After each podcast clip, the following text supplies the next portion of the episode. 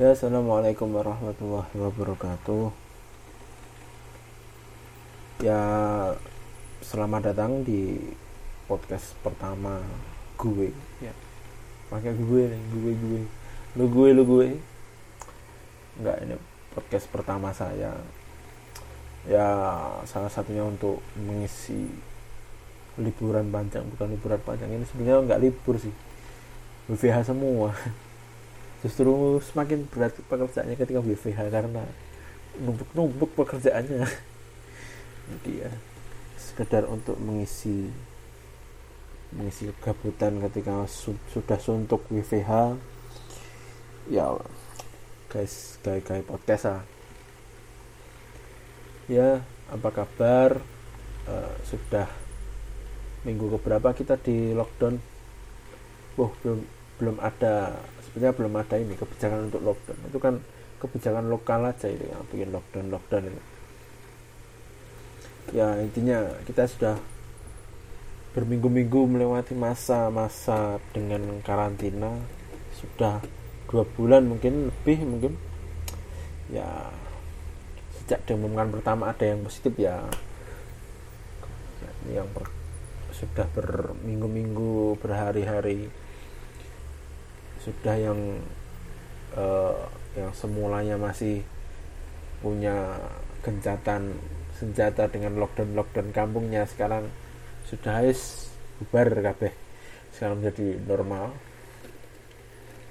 Cuman ya akhir-akhir ini beberapa daerah memang uh, menerapkan PSBB seperti yang uh, di apa menjadi diskresi dari pemerintah untuk menangani wabah COVID-19 ini. Ya itu sebagai sebuah perkembangan. Pada intinya memang apa ya kita sedang dibatasi untuk bersosialisasi. Intinya di situ. Bukan akhir dari segalanya sebetulnya tapi memang perlu ide-ide kreatif untuk untuk apa ya biar kita tetap melangsungkan kehidupan ini. Bahkan ketika eh, apa ya kalau nggak salah di teorinya Darwin itu kan kenapa kemudian muncul apa ya spesies-spesies yang masih hidup karena mereka bisa mempertahankan diri. Termasuk spesies manusia ini kan bisa mempertahankan diri karena memang kelebihannya manusia dia punya akal gitu punya kreativitas untuk uh, bisa beradaptasi di berbagai suasana eh, di berbagai kondisi suasana. Ya seperti itu. Termasuk nah inilah mat, eh, sebenarnya ini bukan bukan materi. Ya ini terlintas saja di kepala. Ini yang ingin menjadi bahasan ya. termasuk bagaimana manusia ini begitu dinamis sebetulnya begitu dinamis ya manusia itu cuman uh, apa ya pembawaannya manusianya sendiri yang cenderung uh, ada yang rigid ada yang uh, terlalu kaku lah ya lurus-lurus garis garis lurus garis lurus itu yang uh, membuat uh, dunia ini menjadi sangat dinamis. Ada yang terlalu dinamis ada yang ya cukup dinamis ada yang lurus ya. Ya seperti itulah dunia. Tinggal kalian milih yang mana kan tapi tidak di situ uh, letak letak pembahasannya. Ya podcast ini sebenarnya jadi uh, bukan evaluasi ya jadi uh, kok evaluasi kita merefresh bukan merefresh juga memberikan catatan-catatan tertentu terhadap uh, sebuah apa ya sebuah kegiatan yang biasanya dilakukan di masyarakat. Seperti itu uh, meskipun saya orang hukum jadi pendekatannya apa ya sosiologis ini jadi antropologis. Ya gaduh-gaduh lah. Suka-suka gue lah ya. Intinya biasanya ini latar belakangnya latar belakangnya. Biasanya ketika memasuki bulan-bulan seperti ini ini bukan bukan bulan dalam arti uh, Masehi tapi Hijriah bulan-bulan uh, ya Rojab kemudian Allahumma barik lana fi Rojab wa Sya'bana wa balina Ramadana Rajab, Syaban, Ramadan ini menjadi ya, sebuah uh, bulan-bulan yang memang umat muslim itu banyak disibukkan dengan kegiatan-kegiatan komunal. Kegiatan-kegiatan yang uh, bersama-sama. Ada yang jamaah tab uh, bukan jamaah tablik ada yang pengajian tablik akbar bukan jamaah tablik tapi tablik akbar. Ini intinya di situ. Ada tablik akbar yang itu um, mendatangkan dai yang tersohor kemudian oh, jamaah yang ribuan puluhan ribuan ratusan ribuan. Ataupun ketika dikontekskan ke perayaan pondok-pondok pesantren di bulan Rajab dan Sa'ban ini kebiasaan pondok-pondok itu menyelenggarakan yang namanya akhir sana. Akhir sana dan di ya bukan sebenarnya bukan pondok-pondok saja sih. Banyak majelis taklim juga ketika ya pondoknya dikit biasanya banyaknya majelis taklim. Majelis taklim yang mengadakan akhir sana. Apakah itu akhir sana? Akhir sana itu menjadi uh, sebuah kegiatan tutup buku tutup tahun lah. Tutup tahun uh, ya Ramadan berhenti dulu maksudnya. Ramadan kita khususkan untuk uh, beribadah ya tarawihnya kencang dan sebagainya puasa dan sebagainya. Artinya kegiatan yang biasa uh, berjalan di di luar Ramadan itu akan di stop di antara ini, dua bulan ini antara Rajab dan Syaban. Umat Islam yang memiliki kultur uh, untuk komunalnya tinggi doktrin untuk jamaahnya tinggi itu ya memang cukup tertantang pada masa-masa yang sulit seperti ini. Sejak awal diberlakukannya apa ya? Ada yang lockdown ada yang psbb ada pun juga munculnya surat edaran dari Kemenak adanya fatwa MUI ataupun uh, fatwanya ormas-ormas yang lain itu menjadikan uh, kegelisahan umat Islam. Jamaah sholat Jumat misalkan. Sholat Jumat menjadi uh, apa ya diganti dengan sholat tuhur bukan kemudian ditiadakan tidak sholat Jumat itu enggak. Diganti dengan sholat tuhur tetap sholat bos. Yang salah itu ya enggak sholat. Nah itu yang perlu kita dakwahkan itu ya enggak sholat itu nggak usah diperdapatkan uh, dia uh, untuk keadaan yang sekarang ya dia sholat Jumat atau enggak sholat duhur sholat duhur atau enggak. Tapi kalau ya jelas kalau dia Jumatan ya enggak usah sholat duhur tapi kalau dia enggak Jumatan berarti dia harus sholat duhur kan seperti itu. Ya yang salah ya enggak sholat keduanya itu ya enggak sholat Jumatan enggak sholat uh, sholat Jumat yang dan enggak sholat duhur itu yang keliru kadang-kadang justru yang enggak sholat itu yang mempermasalahkan. Kadang-kadang. Kadang-kadang seperti itu. Justru di masa-masa ini ketika umat Islam itu kebanyakan kumpul-kumpul sering kumpul-kumpul dibatasi. Kaget. Waget. Bahasa Jawa Jawa Timurnya kalau uh, uh, menunjukkan sebuah makna yang sangat itu ada imbuannya kuwaget ada sisipannya kuwaget jadi kuwaget nah umat Islam yang kaget ini seharusnya uh, tidak menjadi kagetan dengan pendekatan-pendekatan yang dilakukan oleh uh, ormas ataupun dai-dai yang cukup memiliki wawasan tentang corona ataupun dan sebagainya. Tidak kemudian uh, umat Islam yang terkaget ini dikompori untuk bahwa kebijakan lockdown ini PSBB ini adalah konspirasi. Kalau sudah e, ada nyawa ya nyawa yang melayang maksudnya.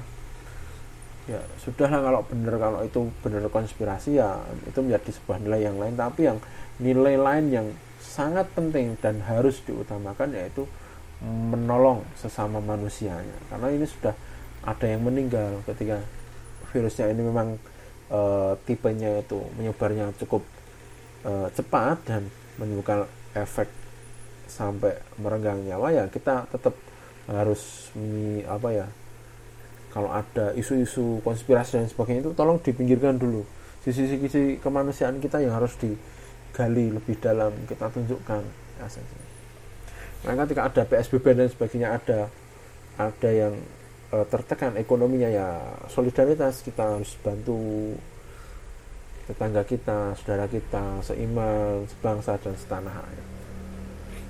Kembali lagi umat Islam ini yang biasanya kumpul-kumpul kaget. Wah, kok nggak udah kok nggak bisa kumpul-kumpul nih? Ya. Sebenarnya nggak cuman itu oh, adanya tablik akbar ataupun harus sana tapi ada sebuah kebia tata kebiasaan di masyarakat terutama di masyarakat e, kalau yang saya menjadi objeknya yaitu masyarakat sekitar saya di kampung saya maupun di sekitar kampung saya juga itu melakukan sadranan. Istilah, istilah umumnya sadranan tapi ada beberapa daerah yang menggunakan e, apa ya nama yang berbeda tidak sadranan tapi menggunakan kata nyadran. Tapi untuk uh, nyadran ini memang hanya beberapa daerah saja yang menggunakan kata nyadran. Uh, kalau dilihat dari uh, terminologinya ini bahasa bahasa ilmiahnya terminologinya. Sadranan atau nyadran ini merupakan alih bahasa dari sebuah salam yang itu diucapkan ketika melakukan ziarah. Uh, ada di situ kata-kata ya darul muslimin. Ya darul ini kemudian dialih bahasakan kemudian di uh, ibaratnya kalau menggunakan prinsip Arab di Arab Jawa di Gowo itu ya ini kemudian di agak dijawakan menjadi sadranan dan nyadran itu tadi. Ya awalnya dari ya darul muslim. Itu. Artinya memang e, kalau apa ya akar akar akar katanya itu memang memang dari dari bahasa Arab gitu. Ya darul itu kemudian dialihkan menjadi sadran.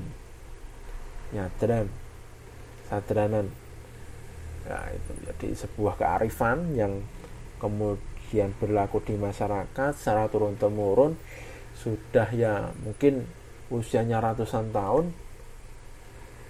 Iya kalau lihat kalau melihat dari apa ya tata kebiasaannya ini sudah berlaku lebih lebih dari satu abad dua abad lah lebih dikit mungkin sekitar itu. Tata kebiasaan ini diambil alih dari esensi atau substansi bahwa kita sebagai anak itu mendoakan orang tua. Itu esensinya berbakti kepada orang tua. Intinya di situ. Kenapa bisa demikian?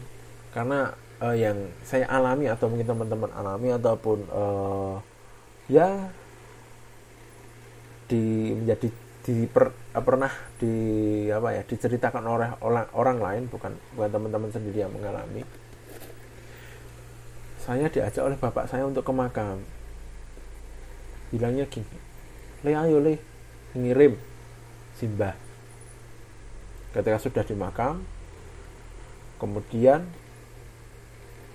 bapak itu ini sambil nunjuk nisan ini simbah le ini simbah terus kui adik simbah ah sekono kae mbah buyutmu mbah buyutmu kayak adik mbah buyut kayak adik mbah buyut sik ngono lho le sik duwe anak Pak Lek kae, Pak Lek Nur kae. Kae. Kae simbai. Jadi kowe ngopo iso nyebut Pak Lek kae? Ha kae. Mergane adike, adik Simbah. Lah kae sik dhuwure nek kae. Nisan sing dhuwure kae. Iku cangga. Canggahmu kono kae. Wi bapake apa jenenge ya Simbahe Lek Nur kuwi. Sim canggahmu. Itu eh, kata-kata yang kemudian yang biasanya uh, tersampaikan ter apa ya diturunkan lah diturunkan kepada kita untuk kemudian oh kita tahu bahwa kita memiliki uh, keluarga yang sangat besar memiliki uh, saya memiliki bapak bapak memiliki orang tuanya lagi yang bisa yang kalau dari saya disebut simbah kemudian di atasnya simbah itu ada buyut di atasnya buyut itu ada canggah kemudian kalau di sistem Jawa itu atasnya ada lagi ada udah gudeg siwur dan sebagainya. Dan itu menandakan bahwa uh, ya dar ya darul muslimin ini sadaranan ini nyadaran ini jadi sebuah esensial untuk kita mendoakan simbah kita kan seperti itu. Ya simbah kita canggah kita uh, buyut kita canggah kita gudeg-gudeg siwur kita dan sebagainya. Ya kemudian kalau diistilahkan kalau tidak bisa nggak bisa secara rinci seperti itu kan kemudian leluhur kita sedaya. Kan kalau di doa doanya uh, mbah kaum mbah kaum rois itu kemudian di uh, apa dijamakkan menjadi leluhur kita sedaya. Ini penting. Ini penting uh, esensinya penting tapi jarang. Kemudian ini digali lebih dalam. Bagaimana ini kemudian terjadi mekanisme as, asimili, asimilasi ini. Akulturasi dengan akulturasi ini. Nggak asimilasi. Akulturasi ini eh, nilai-nilai Islam kemudian di uh, apa ya kemudian ada nilai Jawanya tradisi Jawanya itu juga di digarap di situ dipertahankan di situ yang esensi Arabnya juga ada. Esensi bukan Arab esensi Islamnya. Kadang budaya Arabnya juga agak-agak beda. Esensi Islamnya ada kemudian Jawanya ada kan? Nilai-nilai itulah yang kemudian uh, bertahun-tahun beratus-ratus tahun itu dilaksanakan oleh entitas masyarakat kita. Uh, terutama kemudian kalau kalau uh, bisa di uh, di historiskan itu kan? Berarti memang ini menjadi meskipun ini ada ada apa ya bukan bukan asli pribumi bahkan kalau diteorikan tidak ada pribumi sebetulnya. Semuanya itu adalah sebuah ya budi dan daya. Tapi kan menjadi ini eh, sebuah karakteristik atau apa ya nilai-nilai yang diteruskan jadi tradisi di masyarakat bahwa tradisi ini itu ada nilai-nilai yang sangat luhur. Ada ya berbakti pada orang tua.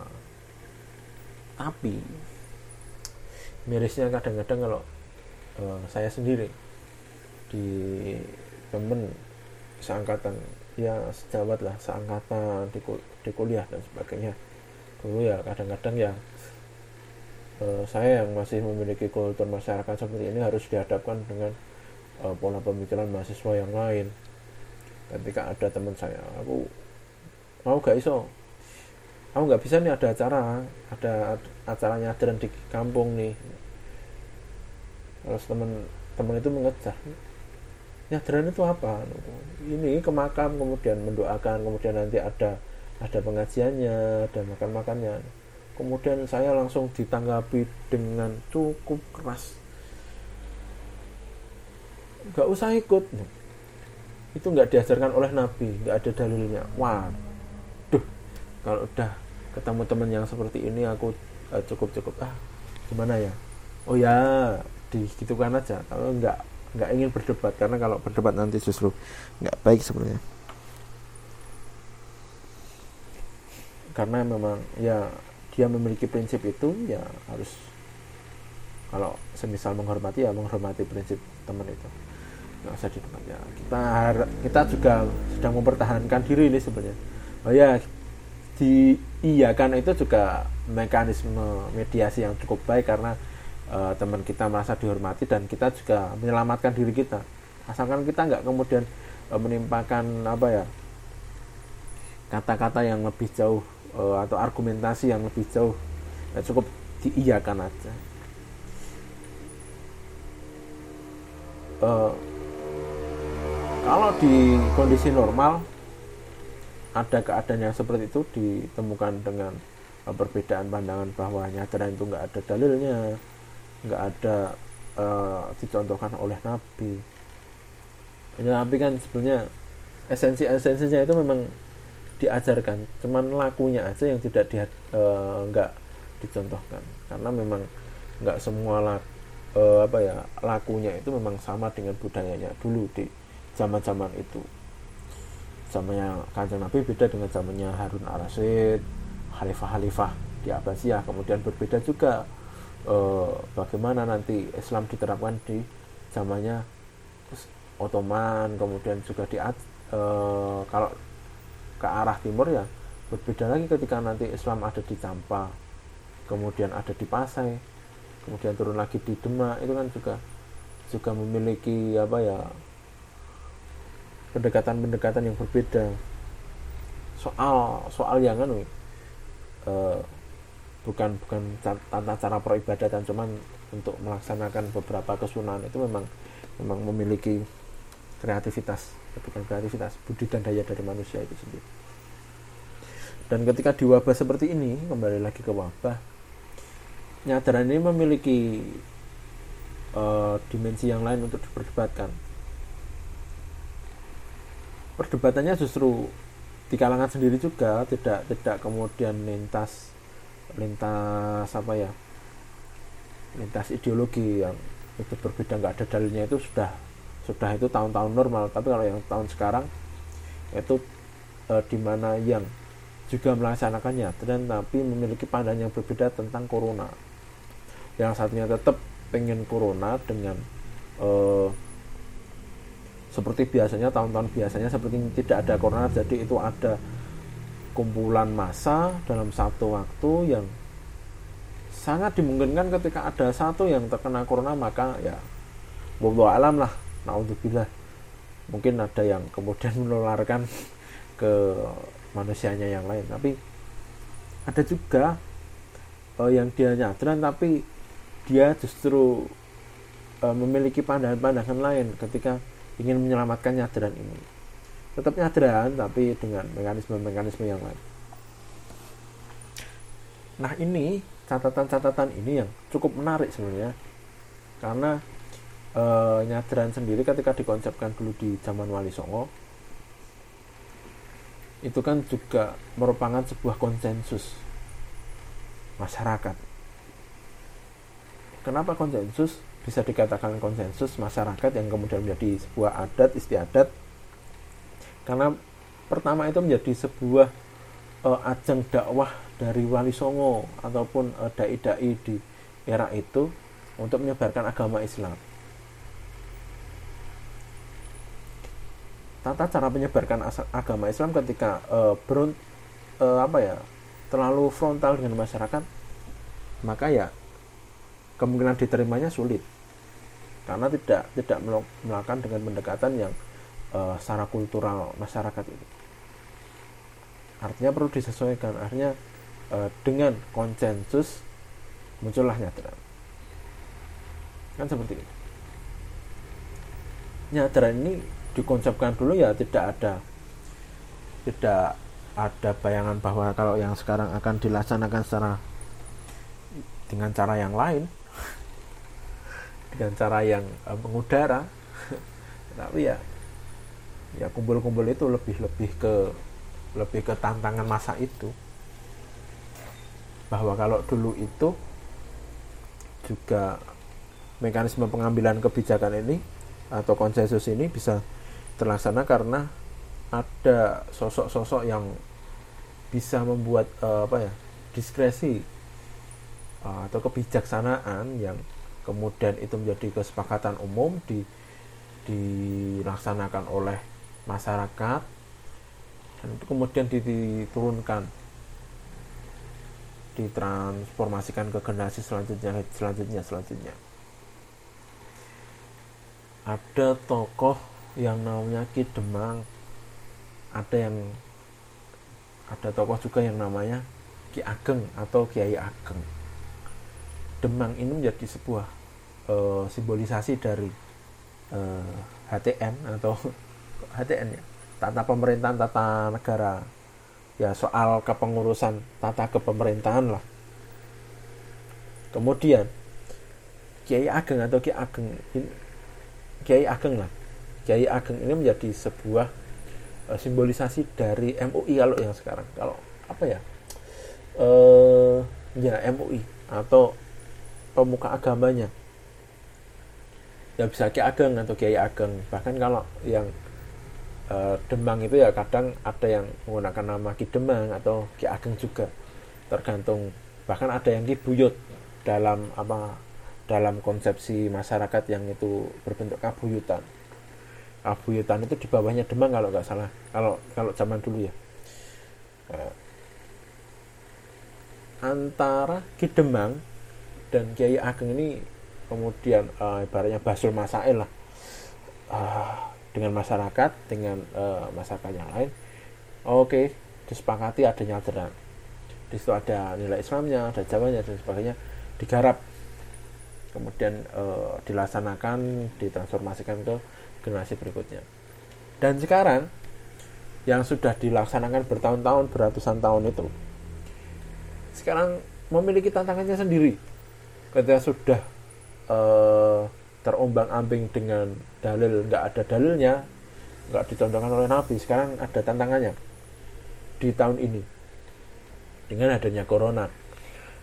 Ketika nyadaran itu yang biasanya kumpul-kumpul dan sebagainya akhirnya nyadaran ini menjadi uh, memiliki tantangan untuk dilaksanakan tapi dengan berbagai catatan Nah, catatan nyadaran ini ternyata cukup menarik karena e, berbagai masyarakat itu memiliki karakteristik yang berbeda dan cara menyikapinya e, untuk untuk tetap melestarikan nyadaran ini juga caranya berbeda-beda.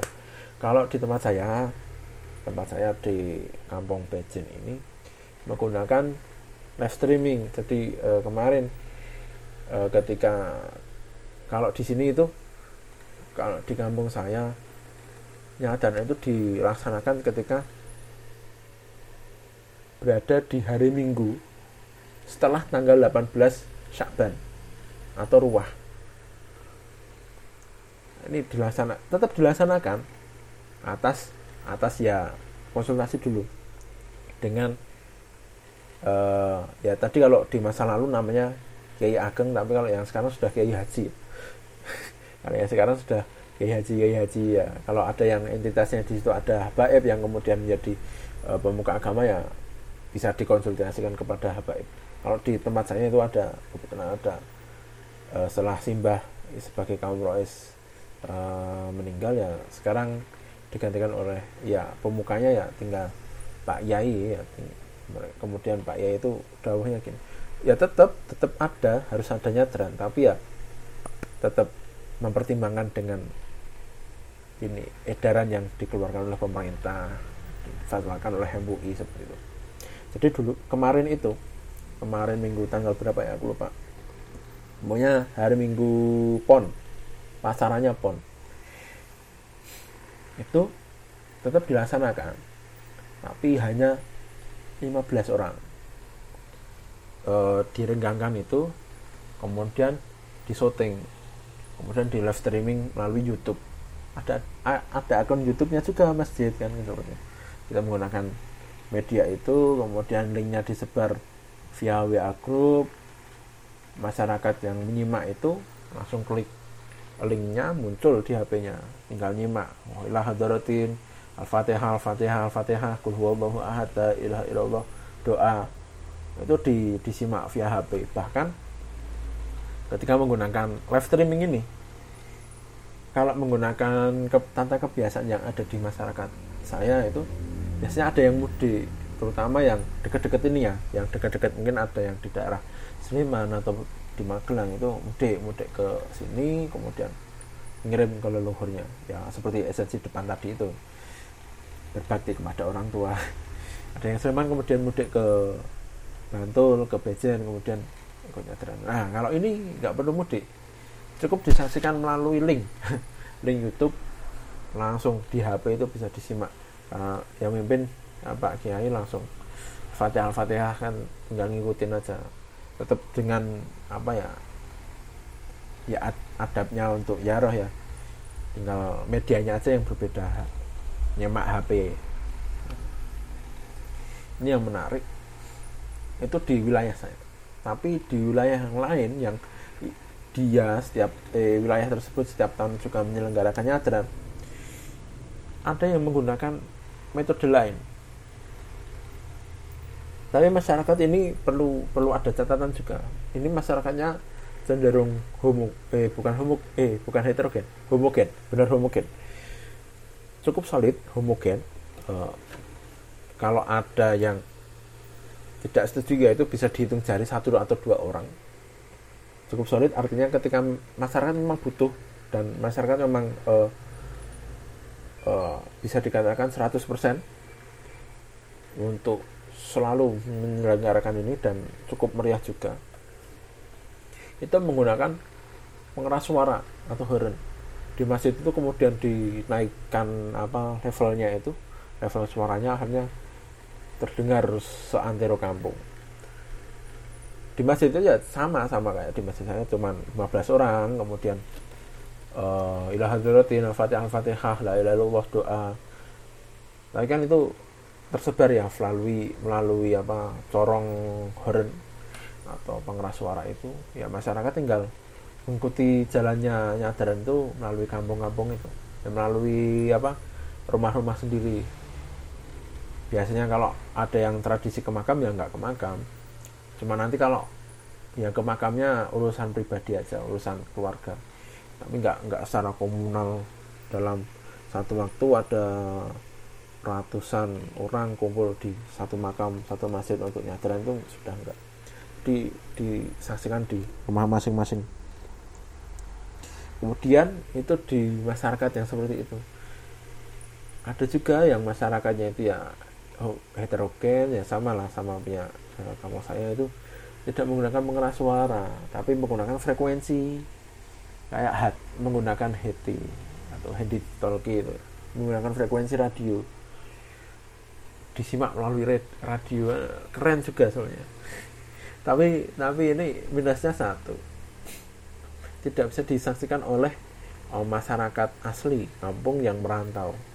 Kalau live streaming tadi kan bisa ada yang di Jakarta itu tetap bisa nyimak kondisinya lokal. Tapi kalau yang radio nggak bisa karena kalau nggak ada routernya nggak ada pemancarnya ya nggak bisa. Hanya hanya lokal saja. Tapi ini cukup menarik karena uh, basicnya menggunakan uh, kekayaan yang ada di wilayah masing-masing.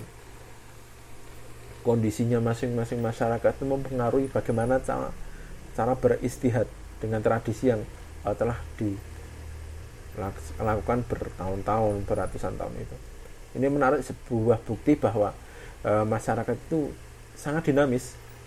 Jadi ketika ada yang kaku-kaku itu tolong cermati e, apa ya bukti ini bahwa masyarakat itu dinamis. Jadi ketika ada yang bilang nggak ada dalilnya, nggak ada dalilnya itu coba cek ketika di Aceh itu seperti apa zaman-zaman itu zaman-zaman Samudra Pasai kemudian di Campa seperti apa?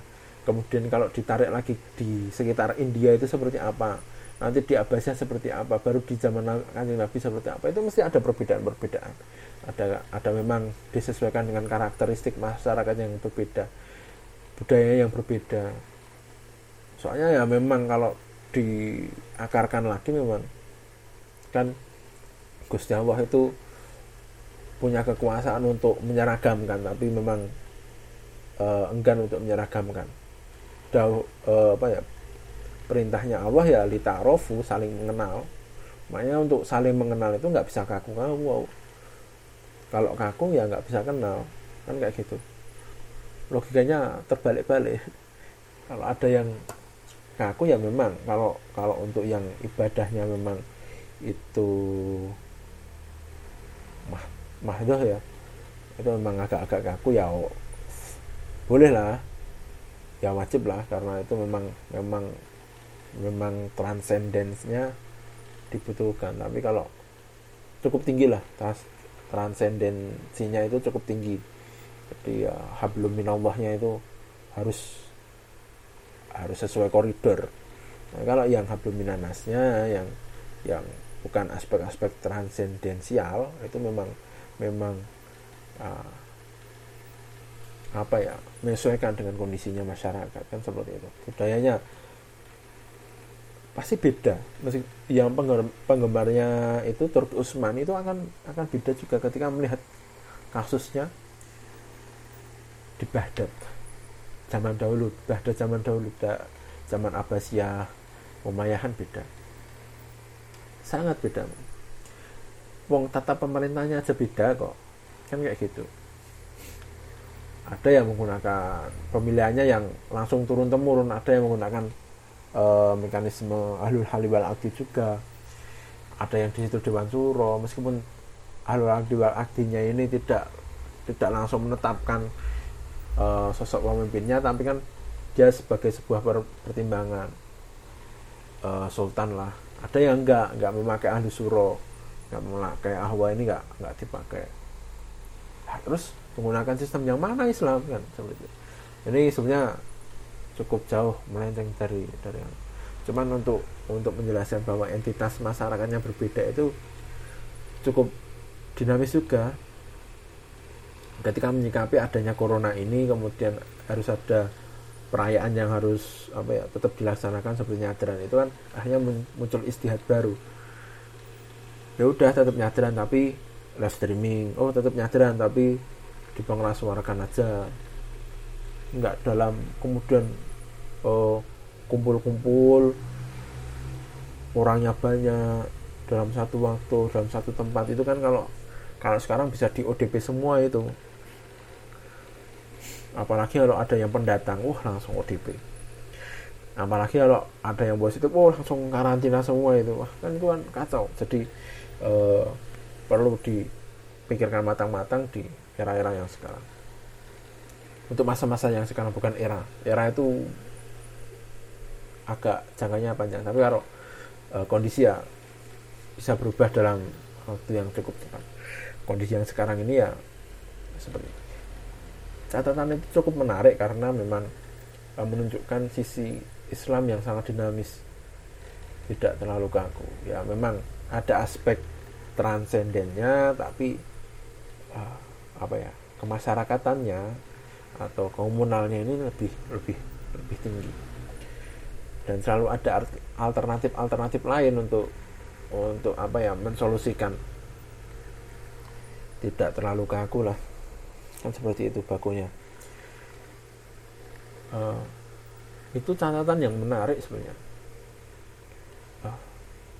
kemarin ada ada sebuah kajian juga. Ketika saya tanya pak bagaimana cara menyikapi ketika ada ada entitas masyarakat Eh, tokoh-tokoh masyarakat yang memang harus tetap harus sadran tetap harus rame-rame itu gimana itu uh, uh, ini pendai ini yang uh, saya sebut namanya saja ya itu Cosmic Dam itu uh, ini memberikan alternatif ya seperti tadi itu pendekatannya dinamis. Jadi uh, tidak tidak kemudian uh, secara kasar secara apa jadi pentung ya.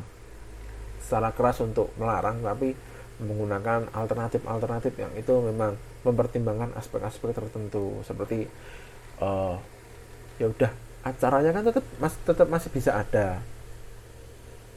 Tapi kan orangnya bisa dibatasi kan? Itu kan menjadi sebuah poin penting. Untuk acaranya tetap ada tapi uh, orangnya yang terlibat dibatasi. Kemudian ada media juga. Ketika dibatasi kemudian bagaimana masyarakat uh, manusia yang lain atau jamaah yang lain? Live streaming bisa. Via frekuensi radio bisa. Via pengeras suara juga bisa. Tinggal pinter-pinternya entitas masyarakat ini untuk untuk mensolusikan kan seperti itu. Tergantung kultur masyarakatnya. Ketika masyarakatnya itu heterogen ya kemungkinan besar tidak akan menggunakan pengeras suara. Kemungkinan besar karena itu pasti ketika ketika menggunakan pengeras suara langsung. Nanti ada penolakan dari masyarakat yang memang tidak setuju dengan adanya ya, perayaan-perayaan seperti itu. Bahkan ada juga kalau kalau di apa ya masyarakat yang cukup radikal. Tapi ini bukan bukan radikal yang konotasi negatif ini ya cukup cukup kencang dan cukup apa ya wah juga penyelenggaraan. Nyadranya ya kayak ada pasar malam itu. Ada yang jual-jual jajanan. Ada tiga hari tiga hari itu ada pengajiannya mujahadannya dan sebagainya. Itu kan juga ribet juga kalau masa-masa seperti ini. Ya solusinya seperti itu tadi tergantung masyarakatnya sudah ada tradisinya ada kondisinya ada pertimbangannya kan tinggal oh pakai ini aja oh pakai ini aja kan. Enak. Nah, ini salah satu bukti membuktikan lah ini bukti kalau cukup dinamis juga untuk menyelesaikan sebuah permasalahan. Dan menjadi uh, bukti juga bahwa ya ada aspek-aspek dinamis di agama ini. Ini kan agama itu itu bisa dikatakan perayaan agama. Karena memang uh, ada dalil-dalil yang menganjurkan. Bukan mewajibkan tapi menganjurkan. Ini catatan menarik. Mungkin uh, jarang ada yang mengulas. Ini karena saya cukup menarik aja sih. Ini menarik. Nyadran kumpul wong akeh. Tapi yo di setiap daerah ini setiap desa ini bisa beda-beda ternyata. Kalau di kajian antropologis bisa lebih dalam lagi nanti bisa menggunakan eh, teori-teori yang ada di antropologis. Kalau saya tadi menggunakan ya itu tadi. Apa? Konsensus. Kesepakatan dalam masyarakat. Seperti ketika membuat negara dan sebagainya itu kan adanya konsensus. Itu ya teorinya siapa? Aristoteles. Ya itulah. Ada orangnya yang dulu mengemukakan secara filsafatnya seperti itu. Ya, ini adalah bukti yang menarik sebenarnya. Ini jarang ada yang uh, muda tapi ya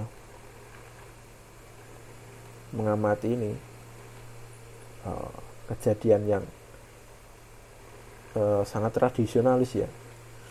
Apa menariknya? Di era-era sekarang oh ada ada yang lebih menarik daripada ini tapi kalau menurut saya cukup menarik sih. Cukup menarik sebagai uh, sebagai apa ya yang sering mengamati kondisinya masyarakatnya. Jadi sebuah yang hal menarik ini.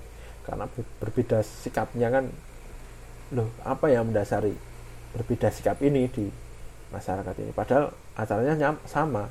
Acaranya sama tapi di ini kok menggunakan horn yang ini menggunakan live streaming yang satunya menggunakan frekuensi radio itu kan cukup menarik. Apa pertimbangannya karena entitas masyarakatnya berbeda mas.